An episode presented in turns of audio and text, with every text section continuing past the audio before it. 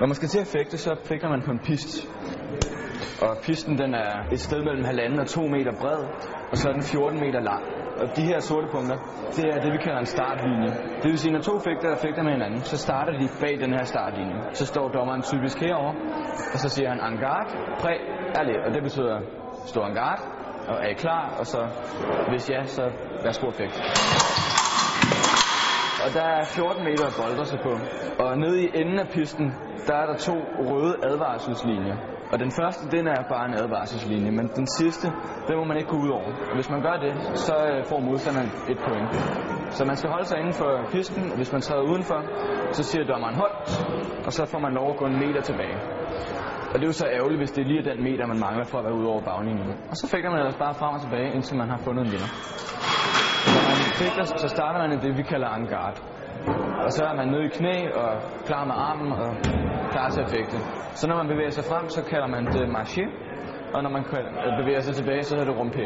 Og det er meget individuelt, hvordan folk vælger at bevæge sig. Nogle bevæger sig meget klassisk, og andre bevæger sig langt mere dynamisk, måske lidt mere hoppende, måske lidt mere dansende, men det er op til folk selv. Øh, det er vigtigt i hvert fald hele tiden at være i bevægelse, så man, man ikke lige pludselig bliver ramt ud af det blå. Når man vil angribe, så laver man typisk det, der hedder et udfald. Man lader som om, der ligger en bold foran en, og den sparker man til. Og det er en måde at angribe på. En anden måde er den meget simple måde bare at lave flæk. Og det er bare et simpelt løbeangreb, som betyder, at man kan komme ret langt meget hurtigt, men det betyder også, at man er, man er i en udsat position, hvis der er modstanderen er klar til angrebet og kan parere eller, eller gøre noget andet så er man rimelig solgt. Det gælder selvfølgelig om at være klar hurtigst muligt, efter man har lavet sit angreb. Det er en rigtig god idé at bevæge sig. Og så lige pludselig så opstår muligheden for at komme lige igennem. Og når man så er ramt, så lyser lampen. Så er der point. Og så skal man så tilbage til starten igen. Til et typisk stævne, der fik man 3 minutter til 5 point. Og når man så når til udslagning, altså efter puljen, så fik man til 15 point. Tre perioder af 3 minutter.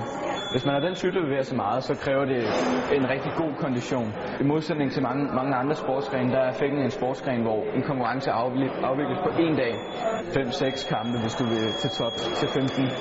Og det kan være meget, meget hårdt. Men igen, det kommer an på, hvor meget man bevæger sig. Ikke?